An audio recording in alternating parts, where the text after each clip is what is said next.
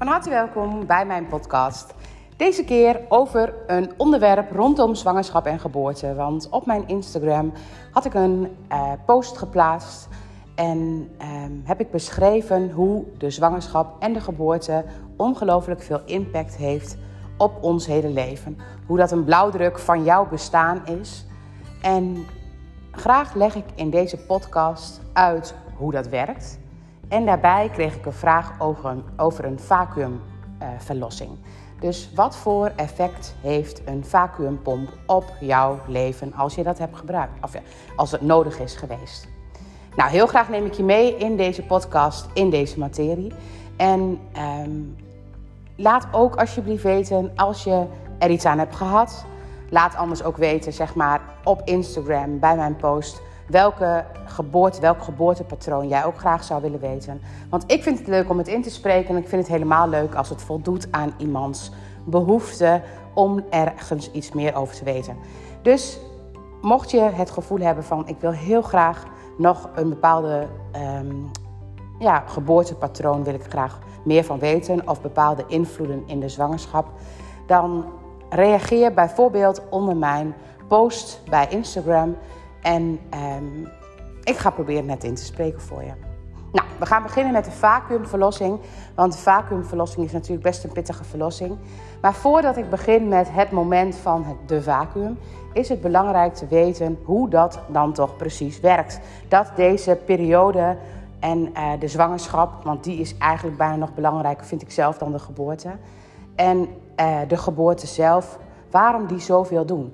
Nou, het moment dat je kijkt naar iets wat een trilling heeft, dan heeft zo'n zwangerschap, het is een proces, het is een weg ergens naartoe, het is een weg naar een doel, heeft invloed op alle wegen naar een doel, op alle processen. Het moment dat je in de zwangerschap een bepaalde hoeveelheid stress hebt gekend, dan is dat vaak de basisstress die het kind heeft in het leven.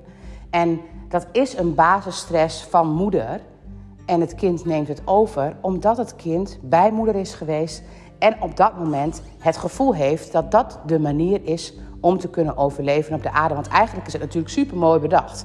Want je zit in negen maanden bij de moeder in de buik. Negen maanden om mee te krijgen hoe bepaalde overlevingsstrategieën werken.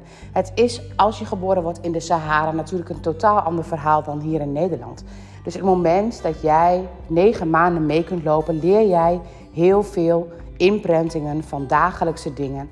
En eigenlijk als vanzelf doe je dat over, want daarmee heb jij het overleefd. Dus als vanzelf wordt dat jouw basisinstelling.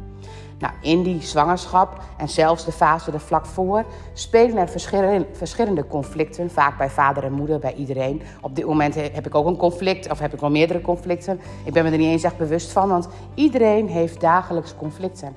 Nou, de thema's die spelen vlak voor de zwangerschap van jou, dat worden de biologische conflicten in jou. Want het moment dat ik met een brein kan bepalen, zeg maar, van oh, dit is niet belangrijk, zoals ik dat nu kan doen als volwassen mens dan kan ik besluiten om bepaalde imprintingen helemaal niet mee te nemen. Maar op het moment dat ik dat niet kan, dan gaat mijn brein als vanzelf gaat hij de conflicten die er dan spelen zien als een conflict waar een oplossing voor moet komen. Dus automatisch gaat het brein zich aanpassen om die conflicten op te lossen uiteindelijk zeg maar, kan dat dus bepaalde ziektes met zich meebrengen. Nou, dit is de Germaanse geneeskunde, dus hier zit nog een heel verhaal achter. Maar hier gaat het natuurlijk niet om bij een vacuümverlossing. Maar wat belangrijk is te weten, is dat de zwangerschap dus eigenlijk het proces is. Dus de manier waarop je bepaalde processen aanvliegt. Hoe bereid je een spreekbeurt voor? Hoe ben je een toets aan het maken? Hoe ben je zeg maar een, um, een proces aan het doorlopen? Hoe ben je een taakje aan het doen? Um, nou, alles wat jij eigenlijk als een proces ziet, dat is de manier waarop de zwangerschap is. En de geboorte, dat is het moment dat je zichtbaar wordt. Dat is het moment dat je bijvoorbeeld een presentatie geeft of dat je echt een examen hebt. Het moment waar je naartoe gewerkt hebt en dan komt dat moment. Nou, in ons leven hebben we best wel vaak dingen waar we naartoe gewerkt hebben en wat dan even klaar moet. Dus stel je voor, ik zou een boek aan het schrijven zijn, dan is de zwangerschap van mijn boek is de periode dat ik eigenlijk mijn boek aan het schrijven ben. En de bevalling van mijn boek is het moment dat ik de laatste vinger eraan leg en dat die klaar is. En dat ik dus uiteindelijk zeg maar deze ehm, laat drukken bijvoorbeeld. Dat is de geboorte van het boek.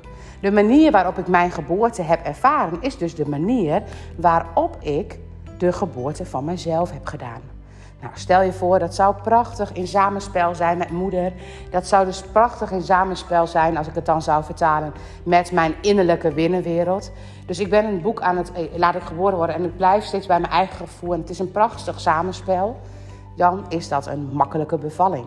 En het moment dat het een hele langdurige bevalling is, dan kan dat dus echt ook een langdurige bevalling zijn voordat jij het echt geboren laat worden.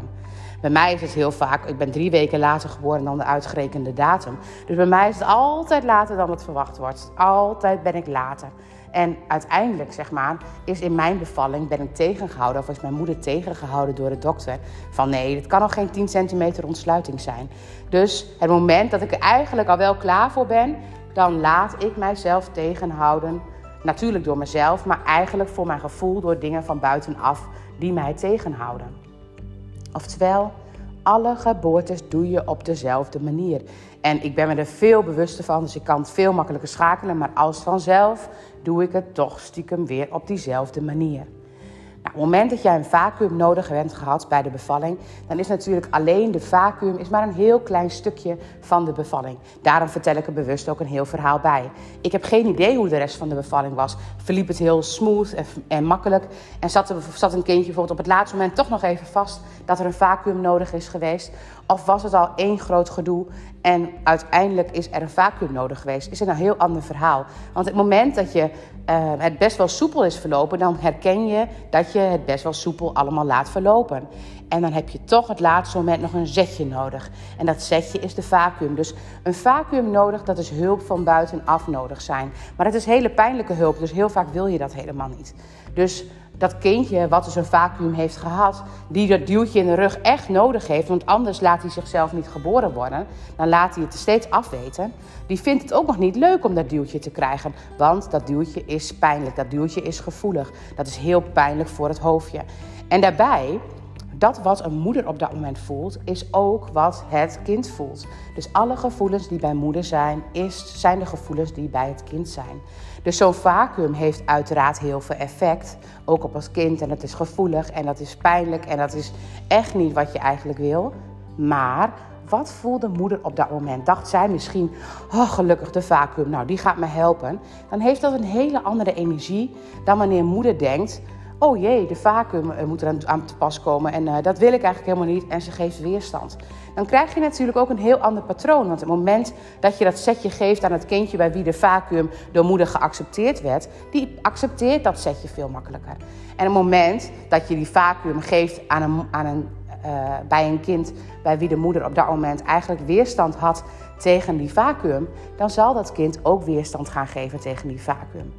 En hoe was het voor moeder? Was het heel pijnlijk? Was het voor moeder heel machteloos? Was het voor moeder heel. Wat voelde moeder op dat moment? Waar was ze in haar gedachten? Wat was haar uh, stand van zaken op dat moment? Dat is ook de manier waarop het kind ervaart hoe die vacuüm ervaren wordt. Dus stel je voor, je bent als moeder totaal machteloos en je weet het allemaal even niet meer. Dan voelt een kind op het moment dat jij dat setje wil geven zich totaal machteloos en die weet het even niet meer.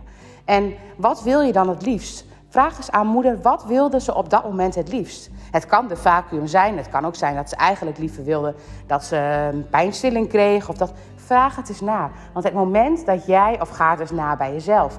Het moment dat jij weet wat er op dat moment nodig was, of wat op dat moment de behoefte bij moeder was, dan weet je meteen de behoefte van het kind op dat moment. Dat is precies de behoefte die het kind op dat moment ook heeft. En ga je dat op die manier aanvliegen? Dus als je een kind hebt die een vacuüm heeft gehad, bij wie de moeder daar een weerstand op had, en die zegt van ik wilde gewoon gezien worden, dan hoef je dat kind die die vacuüm heeft gehad alleen maar te zien om te zorgen dat je verbinding houdt. En als die moeder zegt van nou, het weet echt niet, ik, ik kon echt helemaal niks bedenken wat ik op dat moment zou willen. Oh, het was alleen maar dat ik verlost werd. Ja, dan zul je toch even door moeten zetten en dan zul je deze dit kind moeten verlossen uit die situatie. Moet je helpen naar die situatie. Dus probeer alles wat er gezegd wordt te vertalen naar die situatie. En zoek daar de behoeftes in. Wat waren de behoeftes van moeder op dat moment? Van het kind natuurlijk het rustig, zo rustig mogelijk geboren worden. Maar ja, Dat is niet altijd mogelijk.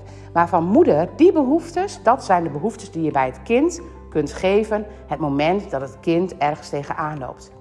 Nou, ik heb bijvoorbeeld bij, ik heb drie keizersneden gehad, dus ik heb geen gewone bevallingen gehad. Ik heb helaas wel bij elke keizersnede ook een bepaalde complicatie gehad. Zoals mijn jongste is zelfs met een vacuüm uit de buik gehaald tijdens mijn keizersnee. En ze zat heel hoog. En wat ik op dat moment had, was dat hij zo zo hoog zat dat ik op dat moment geen pijnstilling voelde. Ik voelde gewoon dat ze bezig waren. Dus ik had heel veel pijn. En ik werd gewoon heel misselijk. Dus ik had helemaal niet door dat het echt pijn was. Ik was gewoon zo misselijk. En ik dacht eigenlijk dat ik dood zou gaan. Dus op het moment dat Rosanne een geboorte doorgaat, dan heeft ze meer angst dan ze zegt. Ik zei namelijk ook helemaal niks. En de behoefte was dat iemand mij daarin zag. Nou, en dat is ook wat ik bij Rosanne dus mag doen. Het moment dat zij een geboorte moet doen of iets heel spannends moet doen, dan zie je aan Rosanne bijna helemaal niks. Maar ondertussen speelt er veel meer in haar dan dat ze laat zien. En dan mag ik op dat moment haar daar dus in zien. Want dat was wat ik heel graag wilde. Waar ik gerustgesteld van werd. Dat iemand mij gewoon even zei dat het pijn was, dat het logisch was. En toen kon ik me er ook aan overgeven. En toen was het ook gelijk goed. Dus als je kijkt naar een vacuüm. En een vacuüm is pittige beslissing, is een hele pittige beslissing. En werd die keuze gemaakt door de dokter of werd die keuze gemaakt door de ouders? Wat, hoe verliep dat? Want het kan ook heel goed zijn dat als het op dat moment een moeilijke keuze is, dat dit kind ook heel veel moeite heeft met kiezen. En het kan ook heel goed zijn dat dit kind echt een bepaalde weerstand heeft tegen, uh, of moeder een weerstand heeft gehad tegen die vacuüm dan heeft het kind ook een weerstand het moment dat jij dat kindje een duwtje extra geeft. Pak dus niet heel specifiek van, goh, weet je, eh, als je een vacuümverlossing hebt gehad, dan heb je dit of dat of dat of dat. Want zo zwart-wit zit het niet in elkaar. Het is echt bepalend hoe er mee omgegaan wordt en hoe het ervaren wordt en welke behoeftes er op dat moment waren. En voor iedereen zijn die behoeftes anders. En het moment dat je dan weet dat die vacuüm is geweest, hoe zou je dan zoveel mogelijk lading daarvan af kunnen halen? Het moment dat je issues in tissues plaatst, dat zegt altijd de recall healing uh, man Gilbert Renault. Het moment dat je issues in tissues plaatst, dan is er geen probleem meer. Oftewel, als je als ouder over de vacuüm, over de situatie praat, over de bevalling. En je vertelt er alles over.